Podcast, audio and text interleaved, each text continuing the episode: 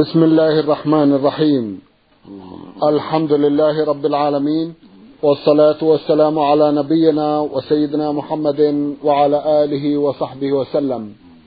مستمعي الكرام السلام عليكم ورحمة الله وبركاته وأسعد الله أوقاتكم بكل خير. هذه حلقة جديدة مع رسائلكم في برنامج نور على الدرب. رسائلكم في هذه الحلقة نعرضها على سماحة الشيخ عبد العزيز بن عبد الله بن باز الرئيس العام لإدارات البحوث العلمية والإفتاء والدعوة والإرشاد. مع مطلع هذه الحلقة نرحب بسماحة الشيخ ونشكر له تفضله بإجابة السادة المستمعين فأهلا وسهلا بالشيخ عبد العزيز. حياكم الله حياكم الله. نعود مع مطلع هذه الحلقة إلى رسالة جمع من الأخوات في ليبيا بعثنا برسالة ضمنها عددا من الأسئلة عرضنا بعضا منها في حلقات مضت وفي هذه الحلقة يسألنا ويقول نرجو الإفادة حول لباس المرأة المسلمة وما معنى الجلباب؟ إذ أن هناك بعض النساء في مناسبات الأفراح عندما يدخلن المكان الذي تكون فيه المناسبة يقمن بكشف شعرهن فهل يجوز هذا؟ مع العلم بأنه لا يوجد رجال في هذه الأماكن. وماذا عن غناء الرقص عن وماذا عن الغناء والرقص في الأفراح بين النساء؟ بسم الله. الحمد لله وصلى الله وسلم على رسول الله وعلى آله وأصحابه ومن اهتدى بهداه. أما بعد فإن استعمال الجلباب أمر مطلوب بين الرجال الأجانب والجلباب يشبه العباءة وما أشبه مما تغطي به المرأة بدنها كله رأسها وبدنها فوق ثيابها. قال الله تعالى يا أيها النبي قل لأزواجك وبناتك ونساء المؤمنين يدين عليهن من جلابيبهن. الآية وفي الصحيح عن أم عطية رضي الله عنها أن النبي صلى الله عليه وسلم لما أمر النساء بحضور العيد بحضور صلاة العيد قالت قال بعض النساء إن إحدانا ليس لها جلباب. فقال عليه الصلاة والسلام تلبسها أختها من جلبابها. فالمقصود أن الجلباب شيء يستر البدن كله. وهو يشبه العباءة من بعض الوجوه. والواجب على النساء التحجب عن الأجانب وعدم إظهار شيء من الزينة لهم كأخي الزوج وزوج الأخت وغيرهم ممن ليس محرما. ولا بأس من الغناء المعتاد في العرس نعم. بين النساء نعم. وضرب الدف الذي هو الطار والدف له وجه واحد وله وجه واحد يضرب في في مناسبة العرس لإعلان النكاح وإظهاره. وقد جاءت السنة في ذلك وكان يستعمل في عهد النبي صلى الله عليه وسلم.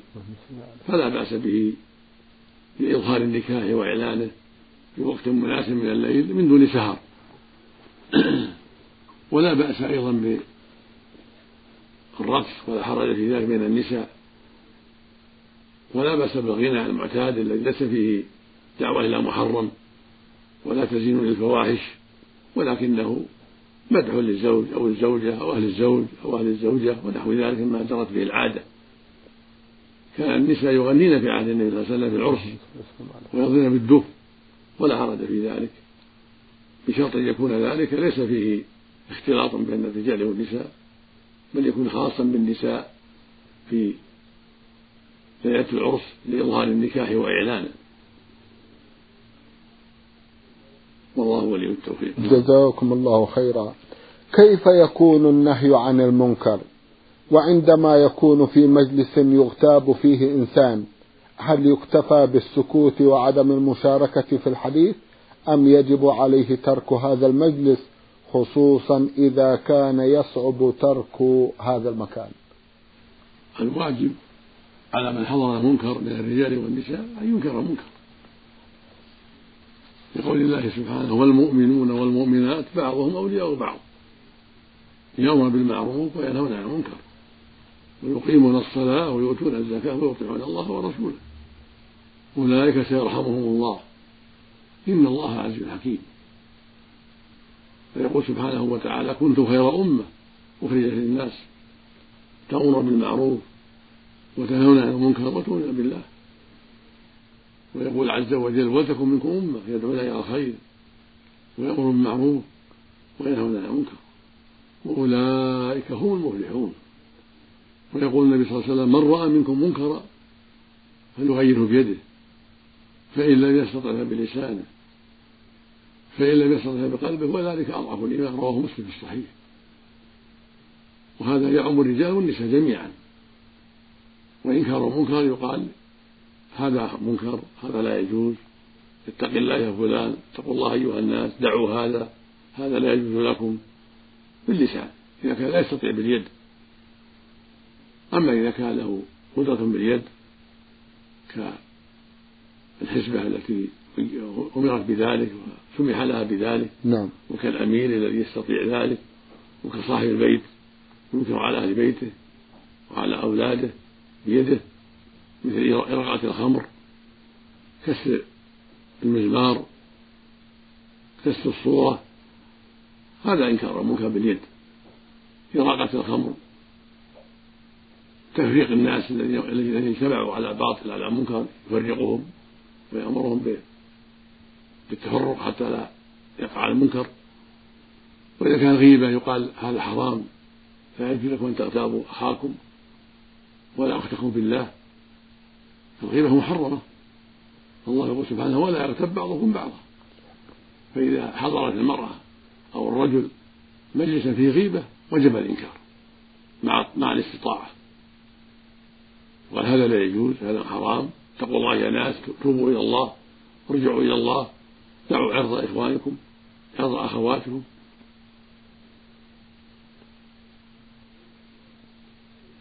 وإذا كان لا يستطيع يقوم. نعم. لا يجلس مع أهل المنكر. يقوم عنهم ويغادر ويغادر المجلس الذي فيه المنكر الذي لا يستطيع تغييره. فإن استطاع تكلم وأنكر المنكر بكلامه. فإن أجابوا وامتثلوا فالحمد لله. وإلا غادر المكان وابتعد عن محل المنكر. وليس له أن يغير بيده على وجه يحصل فيه فساد وما هو أنكر. نعم نعم. بل يكون هذا لغيره ممن أذن له في ذلك من جهة الدولة ومن جهة المسؤولين عن هذا الأمر. أما من لم يؤذن له فإنه ينكر باللسان ويقول قال الله كذا قال الرسول كذا إذا كان عنده علم إذا كان على بصيرة لا ينكر إلا على بصيرة. نعم. أما الجاهل الذي لا يعرف الحكم فلا يتكلم. ولكن ما دام يعلم الحكم يعلم الحكم الشرعي فينكر بالكلام الطيب والأسلوب الحسن وإقامة الأدلة. لعل الله يهدي به من فعل المنكر حتى يدع المنكر. نعم. جزاكم الله خيرا. أيضا يقولنا هذا السؤال سمعت أنه يجب على المرأة عدم كشف وجهها أمام الأجانب. هل يعتبر هذا فرض أم سنة؟ وهل على من تركت هذا الأمر إثم؟ وهل تكون تغطية الوجه في جميع الأماكن؟ ثم إن هناك كثيرا من الظروف تستدعي أن تكشف المرأة وجهها مثلا عند أخذ صورة خاصة بجواز السفر والبطاقة الشخصية وتكون المرأة مغطاة الوجه ثم تبرز وجهها لأخذ الصورة وكذلك تبرز جواز السفر أو البطاقة التي تحمل صورتها للرجال للمطابقة. الاحتجاب مثل ما تقدم. يجب على المرأة أن تحتجب عن الرجل الأجنبي. نص القرآن الكريم لقول الله سبحانه وإذا سألتموهن متاعا فاسألوهن من وراء الحجاب. ذلكم أطهر لقلوبكم وقلوبهن. وهذا عام ما قال إلا الوجه. أو الوجه واليدين بل عمم عليه جل وعلا. وهذا يعم أزواج النبي صلى الله عليه وسلم ويعم غيرهن. والعلة التي بينها الرب جل وعلا كلهم في حاجة إليها كل الناس في حاجة إليها. ذلكم أطهر لقلوبكم وقلوبهن وهكذا قوله سبحانه في سورة النور ولا يبدين زينتهن إلا لبعولتهن أو آبائهن أو آباء بعولتهن والوجه والكفان من من أظهر الزينة ومن أعظم الزينة الخلقية بالنسبة إلى الخلقة. نعم نعم. والكحل والحلي. والملابس الجميلة من أعظم الزينة المكتسبة. فالمؤمنة تبتعد عن هذا المنكر وتستر نفسها وتحتجب ابتعاد عن الفتنة. وحذرا من أن تفتن غيرها أو تفتن هي في ذلك. لكن كشف وجه للضرورة في المسائل التي ذكرتها السائلة نعم. عند الحاجة إلى أخذ صورة الوجه وعند إبراز الصورة للتطبيق إذا دعت الضرورة إلى ذلك فلا حرج في ذلك. طيب الحمد لله. هذه الضرورة نعم. الحمد لله. جزاكم الله خيرا. إظهار وجهها للخاطب إذا أراد الخاطب أن ينظر إليها. لا بأس أن تكشف وجهها له حتى ينظر إليها ينظر إلى وجهها إلى رأسها إلى قدمها إلى يدها لا بأس. النبي صلى الله عليه وسلم أذن في هذا. اللهم صل وسلم. أذن للخاطب ينظر نعم. فلا حرج في ذلك.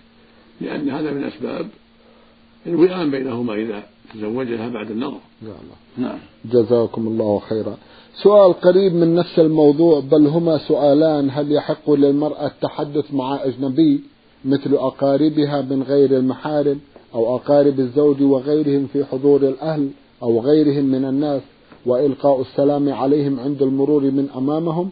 ثم يقولن في السؤال الأخير عند السلام على النساء هل يكتفى بإلقاء السلام فقط أم يجب المصافحة خاصة إذا كانت امرأة أكرهها ولا أحب مصافحتها؟ التحدث مع الرجال بالسلام وغير السلام لا بأس به. على وجه ليس فيه خضوع بالكلام العادي. نعم. من غير خضوع ومن غير جفاء وكلام سيء. ولكن بكلام وسط ليس فيه خضوع. قال الله تعالى في كتابه العظيم يا نساء النبي لست لك أحد من النساء. إن اتقيتن فلا تخضعن بالقول. فيطمع الذي في قلبه مرض يعني مرض الشهوة. وقلن قولا معروفا. فأذن سبحانه في القول المعروف ونهى عن الخضوع في القول. فالمرأة إذا كلمت الرجل كأخي زوجها أو أبناء عمها أو جيرانها أو أزواج أخواتها. يكون بكلام المعروف الطيب ليس فيه خضوع وليس فيه جفاء وخشونة. تبدأ بالسلام وترد السلام مع البعد عن أسباب الفتنة مع الاحتجاب والبعد عن أسباب الفتنة. أما المصافحة فلا. ليس المرأة أن تصافح الرجل الذي ليس بمحرم لها. يقول صلى الله عليه وسلم إني لا أصافح النساء. وتقول عائشة رضي الله عنها والله ما مست يد رسول الله يد امرأة قط. ما كان يبايعهن إلا بالكلام. هكذا قالت عائشة رضي الله عنها. فدل ذلك على أن الرجل لا يصافح المرأة والمرأة لا تصافح الرجل إذا كان ليس من محارمها. أما محرمها كأخيها وعمها وخالها فلا بأس. أو مع النساء لا بأس تصافح النساء. فالواجب على المؤمن والمؤمنة تقوى الله في كل شيء سبحانه وتعالى والحذر مما حرم الله من جميع الوجوه لا من الكلام ولا من غير الكلام. المؤمن يتقيد بالشريعة في قوله وفعله والمؤمنة كذلك تتقيد بالشريعة في قولها وفعلها. جزاكم الله خيرا. رسالة من أحد الإخوة المستمعين سمى نفسه أبو سبعان من المنطقة الجنوبية في المملكة. يقول ذهبت للحج مع أحد الأقارب وكان بي مرض يسمى الناصور وهو يقع في أسفل الظهر ويخرج دما وقيحا وهو مرض مزمن. هل ذلك يؤثر على الحج؟ ليس ذلك يؤثر على الحج ولكن أنت تجتهد في الشيء الذي يقي يقي ثيابك وبدنك من الصديد والدم. نعم. تفعل ما تستطيع ولا يمنع صلاة ولا حجة فاتقوا الله ما استطعتم. وهذا يكون في الدبر والإنسان يعالجه بما يستطيع من جهة المختصين ويتحفظ مما يخرج. وإذا كان الخارج يستمر توضأ لكل صلاة. تمسح بشيء من مناديل ونحوها عند نعم. دخول الوقت. نعم. ثم يتوضأ. يتمسح ثلاث مرات أو أكثر عن الخارج من داخل الدبر. أو يستنجي بماء كان لا يضره الماء وإلا فيكفي. التمسح بالمناديل الطاهرة ثلاث مرات فأكثر حتى ينقي المحل حسب الطاقة بعد دخول الوقت. ثم يتوضأ وضوء الصلاة. ويتحفظ في بقية الأوقات بما يصونه من آثار الدم الصديد الذي يخرج. ولا يضر ذلك حجه ولا يضر صلاته. والحمد لله. نعم. الحمد لله. جزاكم الله نعم. خيرا. يقول أيضا في أثناء ذلكم الحج كان في جيبي خمسمائة ريال. وقلت لقريبي ذلك ليس معي نقود على أن يدفع عني قيمة الهدي. وحاجتي لها بعد أداء مناسك الحج واشترى لي الهدي وصرف علي طوال أيام الحج وقمت بتسديده بعد ذلك. هل فعلت خطيئة؟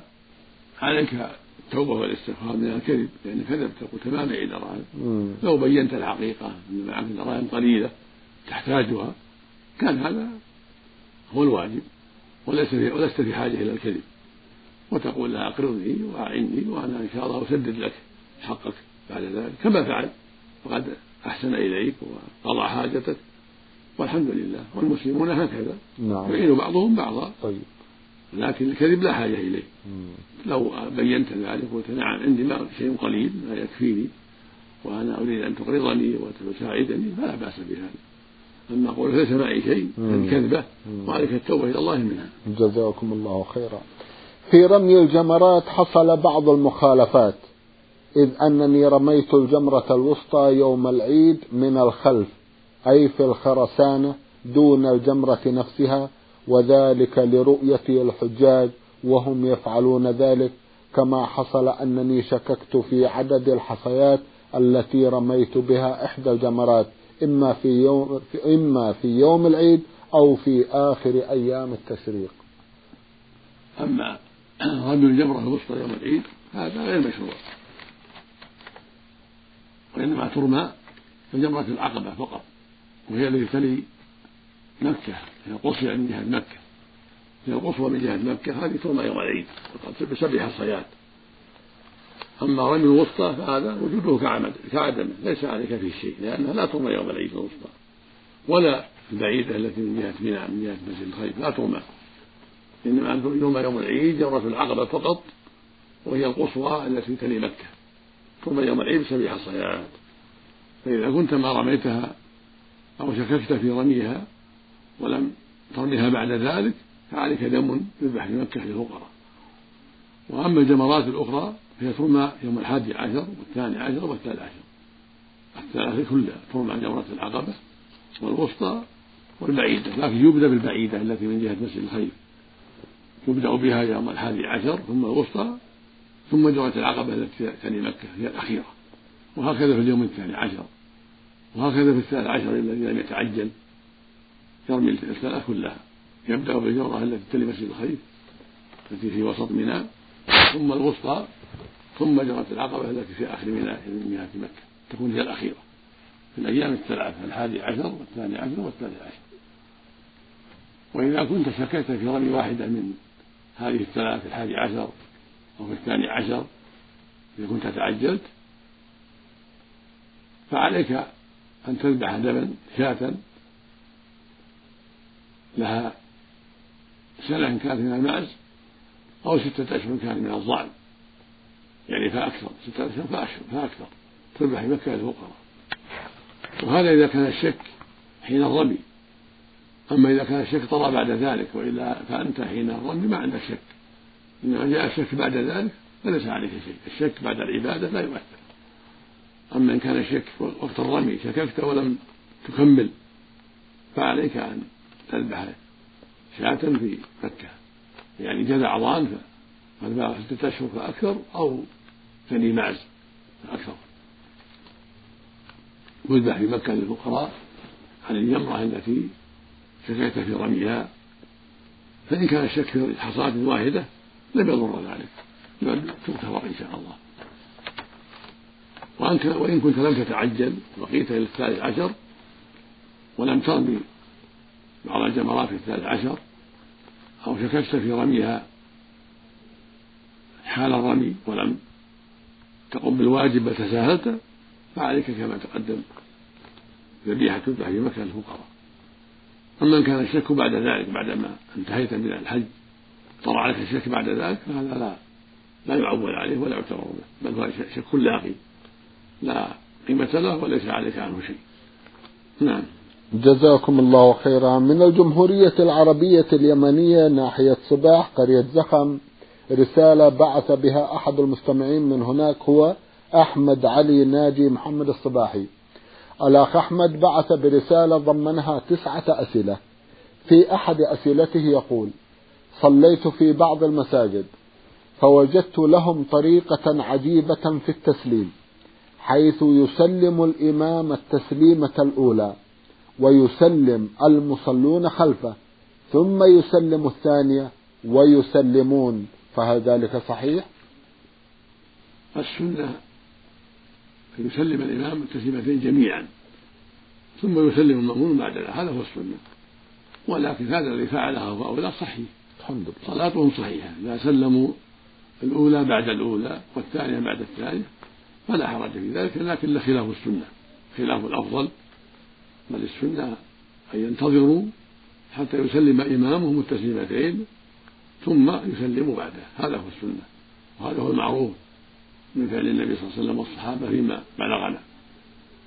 لكن إذا كان سلموا بعد التسليمة الأولى ثم سلموا بعد التسليمة الثانية صحت الصلاة ولا شيء ولا شيء عليه لأنهم لم يسابقوا ما سبقوه بشيء. نعم. يقول حدث شجار بيني وبين عمي فقلت لحمكم علي حرام. ثم ندمت فما الحكم في ذلك؟ وهل هنالك كفارة؟ نعم عليك كفارة يمين إذا أكلت من لحمهم وهي إطعام عشرة مساكين أو كسوتهم عشرة. نعم. فقراء. تعطيه كل واحد نصف صاع من تمر أو رز أو غيره من قوت البلد. ومقدار ذلك كيلو ونصف تقريبا يدفع للفقير الواحد. الجميع خمسة عشر كيلو لكل واحد كيلو ونصف وذاك نصف صاع من قوت البلد من رز أو تمر. أو حنطة أو شعير أو ذرة ونحو ذلك. حسب قوت البلد. نعم. أو كسوتهم. إذا كسوت كل واحد إزارا ورداء أو قميصا فلا بأس. يكفي عن الطعام. أو عتق رقبة مؤمنة. فإن لم تستطع هذا كله لا إطعام ولا كسوة ولا عتق فعليك أن تصوم ثلاثة أيام. هذا في حق الفقير العاجز. نعم. نعم. جزاكم الله خيرا. ما حكم قراءة القرآن ولا سيما الفاتحة وياسين على أرواح الموتى؟ وما حكم ما يفعله بعض الناس من إحضار القراء ليقرأوا القرآن على أرواح الموتى بمبالغ باهظة؟ وما صحة الحديث؟ اقرأوا ياسين على موتاكم. هذا العمل لا يجوز. كون يستأجر من يقرأ القرآن الموتى هذا لا يجوز. والذي يقرأ بالأجرة ما له ثواب حتى يهديه للموتى ما قرأ إلا ما قرأ إلا للأجرة. فلا يكون له فليس له ثواب حتى يهدى. ثم السنة عدم إهداء القراءة للموتى لا منك ولا من غيرك. لعدم الدليل على ذلك لأن لم يحفظ عن النبي صلى الله عليه وسلم ولا عن الصحابة. من كانوا يفعلون ذلك. لكن بعض أهل العلم رأى جواز ذلك من غير أن يستأجر بالأجرة. بل من باب التبرع إذا تبرع وقرأ وتوب لميته أو لإنسان حي ذكر بعض أهل العلم أنه جائز ولا حرج في ذلك وقاسوه على الصدقة والدعاء. ولكن ظاهر الأدلة الشرعية أن ذلك لا ينبغي وأنه يخشى يكون بدعة لعدم الدليل عليه.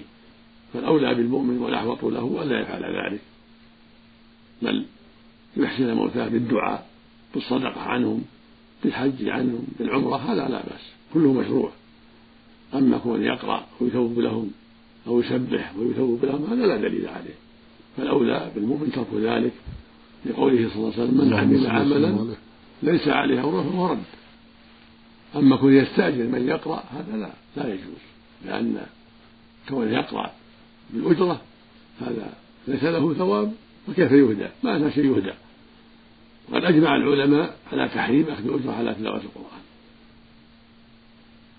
ذكر ذلك أبو العباس بن تيمية رحمه الله قال إنه لا نزاع بين أهل العلم في تحريم أخذ الأجرة على تلاوة القرآن. فالواجب الحذر من هذا العمل. وفق الله جميعا. اللهم آمين. جزاكم الله خيرا. يقول في بعض المساجد يجمعون بين صلاتي الظهر والعصر في وقت صلاة الظهر. ويزعمون أن رسول الله صلى الله عليه وسلم جمع بينهما أربعين يوما في المدينة تخفيفا على أمته. نرجو التوجيه في ذلك. جزاكم الله خيرا. نعم صح النبي صلى الله عليه وسلم أنه صلى الظهر والعصر جميعا في المدينة والمغرب والعشاء جميعا في المدينة من غير خوف ولا مطر ولا سفر لكن لم يحفظ هذا عنه إلا مرة واحدة عليه الصلاة والسلام. لا أربعين. القول بأنه فعل أربعين هذا باطل لا أساس له من الصحة. وإنما المحفوظ أنه فعل هذا مرة واحدة. قال بعض أهل العلم لعله كان لوجود دحض في الأسواق من آثار المطر أو وجود مرض عام ووباء عام أو لأسباب أخرى. قال ابن عباس لئلا يحرج أمته. يعني يدفع الشق المشقة عنهم فإذا حصل ما يشق عليهم من مرض أو لحظ وآثار المطر في الأسواق أو ما أشبه ذلك مما فيه شقة. مشقة جائز. هذا الجمع أما من غير عذر فالواجب ألا يفعل لأن الرسول صلى الله عليه وسلم وقت المواقيت في المدينة للناس وقتها له جبرائيل في مكة عليه الصلاة والسلام وقال صلى الله عليه وسلم الصلاة بين هذين الوقتين. وكان يصلي الظهر في وقتها والعصر في وقتها والمغرب في وقتها والعشاء في وقتها. هذا هو المحفوظ عنه في المدينة عليه الصلاة والسلام. اللهم صل عليه. فالواجب على المسلمين أن يصلوا كل صلاة في وقتها وألا يجمعوا إلا من عذر شرعي. وهذا وهذه مرة التي فعلها النبي صلى الله عليه وسلم محمولة على أنه كان بعذر شرعي. أراد بدفع الإحراج عن أمته عليه الصلاة والسلام بسبب ذلك العذر الذي لم يذكر في الحديث. والواجب على الأمة أن تأخذ بالأمر بالأمور المحكمة الواضحة وأن تدع المشتبهات. يقول يقول الله جل وعلا في كتابه العظيم فأمن في قلوبهم زيغ فيتبع ما تشابه منه فلا يجوز للمؤمن أن يأخذ بالمتشابه الذي ليس فيه وضوح ويدع المحكم الواضح البين الذي هو صلاته كل صلاة في وقتها في حياته صلى الله عليه وسلم في المدينة مدة عشر سنين عليه الصلاة والسلام. قد وضح للأمة ذلك. وقال الصلاة بين هذين الوقتين وقال صلوا كما رأيتم يصلي. اللهم صل عليه. فلا يجوز أن نأخذ بشيء لم يتضح سببه. يخالف الأحاديث الصحيحة والعمل المستمر في حياته صلى الله عليه وسلم. بل هذا من اتباع المتشابه الذي لا يجوز لأهل الإيمان. فإذا وجدت علة تسبب الجمع فلا بأس كالمرض والمطر والسفر ونحو ذلك فلا بأس بذلك كما فعله النبي عليه الصلاة والسلام اللهم صل وسلم. في أسفاره ورخص للمستحاضة أن تجمع لعذرها والمريض كذلك معذور فلا بأس بذلك حال العذر الشرعي. نعم.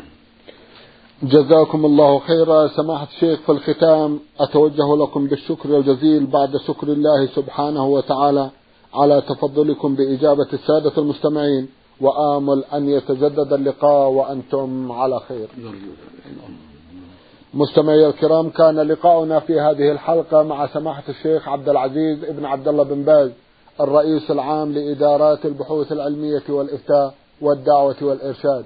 شكرا لمتابعتكم وإلى الملتقى وسلام الله عليكم ورحمته وبركاته.